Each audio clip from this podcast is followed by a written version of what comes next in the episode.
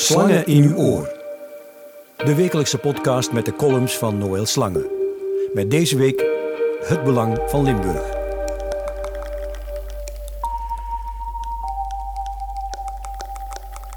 Boze buitenwereld. Daar komt niets goeds uit, zei de vader. En hij had het over Facebook. In het VRT-programma Koppen werden meisjes van 12 in de val gelokt met een vals Facebook-profiel. Een foto van een knappe bink volstond dat ze massaal hun adres deelden en afspraakjes maakten. Het had nogthans een pedofiel kunnen zijn, was de waarschuwing die als een rode draad door het programma liep. In dezelfde week lazen we hoe een twaalfjarige tiener uit het Waalse Derbuy zich van het leven beroofde na pesterijen op Facebook. Het meisje liet een afscheidsbrief na waarin ze zei dat ze door één persoon werd lastiggevallen op Facebook.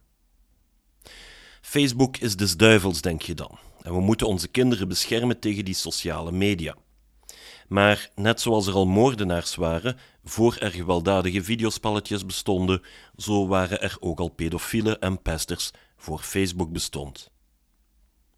Kinderen verbieden om sociale media te gebruiken betekent zoveel als hen aanzet tot liegen. Sociale media maken nu eenmaal deel uit van het leven van pubers, net zoals ze hoe dan ook in contact zullen komen met alcohol, ze soms verkeerde vrienden zullen kiezen en hun hart al eens gebroken zal worden bij een onstuimige verliefdheid. Je kan de wereld niet buiten houden. Wie kinderen afsluit van de boze buitenwereld, haalt hem net sneller binnen. Want hoe zwaar is het leven als je over die dingen niet kan praten met je ouders, je broers en zussen of je vrienden?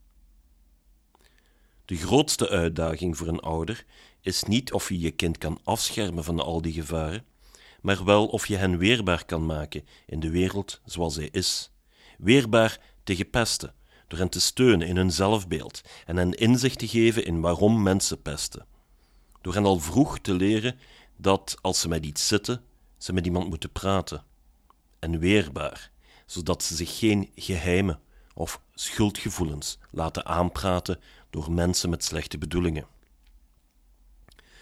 Spijtig genoeg kwam dat soort tips in de kopreportage pas op het einde aan bod, tijdens een klasgesprek waarin de kinderen elkaar vertelden hoe zij zich wapenden tegen de negatieve uitwassen van sociale media en valse profielen.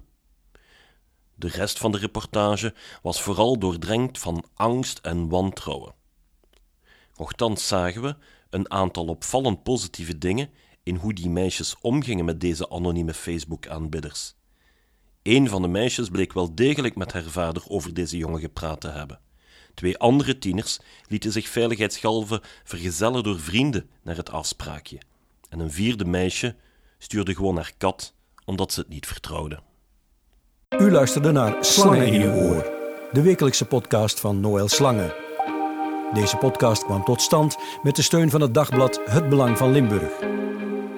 Reageren kan via Twitter, Noël Slangen of via de Facebookpagina van Noël Slangen.